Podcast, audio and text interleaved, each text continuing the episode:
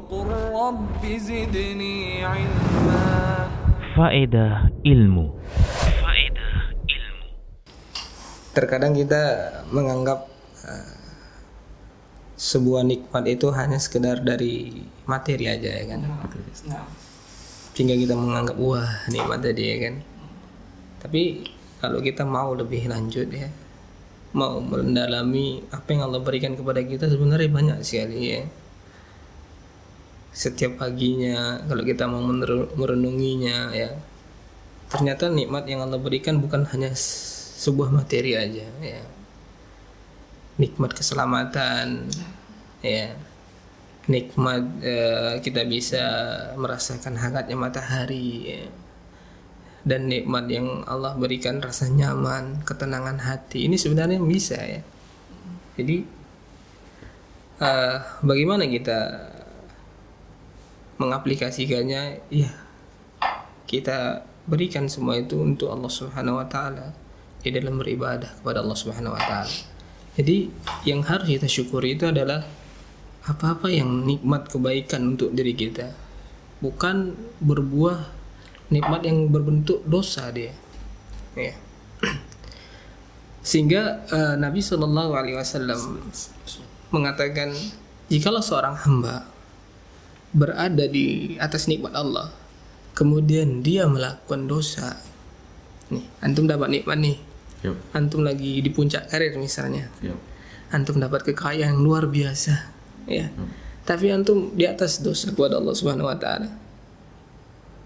Nabi mengatakan fa'lam annahu istidraj. Taulah itu merupakan istidraj. Maksudnya Allah menunda Allah mengeluh-eluhkan dulu. Sampai pada puncaknya antum telah menjadi orang yang lupa. Ya. Antum sudah tidak tahu tidak mengerti lagi Allah Subhanahu wa taala. Allah yang memberikan ini semua. Yuk. di situ Allah akan melepaskan dirimu. Ya. Maka kita lihat dulu diri kita ini. Ya. Nah, kalau Allah berikan nikmat kemudahan. Allah berikan karir yang bagus. Kita bisa merenungi. Eh aku di atas dosa apa di atas ibadah ini ya. Periksa diri ya. periksa diri ya. Hmm. ternyata lihat oh aku di dalam dosa ini. Tapi Allah berikan nikmat nih. Wah bahaya kan? Jangan-jangan ini yang tadi ya. jangan-jangan ini seperti ini ya kan gitu. Karena apa? Karena belum tentu perkara baik yang Allah berikan kepada seorang hamba ini menunjukkan itu seorang tuh baik. Kenapa? Orang kafir. Yuk. Allah berikan semua dunia untuk mereka. Allah berikan kesehatan yang luar biasa kepada mereka. Oh, sehat-sehat anaknya gemuk-gemuk. Karena karena tadi ini bukan patokannya sekedar Nikmat. nikmat tadi ini kalau diberikan kepada seorang orang tuh baik enggak. Tapi tak kalah Allah berikan nikmat kepada seorang hamba. Kemudian dia di atas kebaikan dan di atas ibadah itu berarti ini yang baik. Ya. Karena sesungguhnya ya dunia ya tidak ada nilainya di sisi Allah Subhanahu wa taala. Rasulullah Shallallahu alaihi wasallam mengatakan lau kanatid dunya.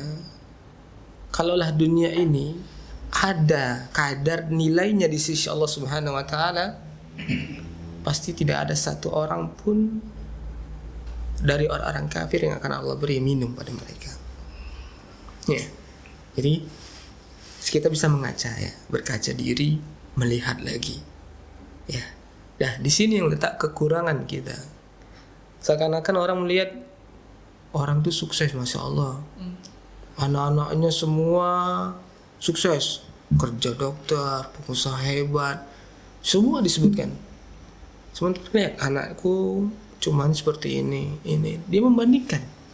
Dan itu semua porsi dunia sebenarnya. Iya. Dia membandingkan seperti ini. Dia nggak melihat ternyata anaknya tadi ini lebih baik dari mereka kan. Anaknya beribadah, anaknya mendoakan keluarganya, anaknya.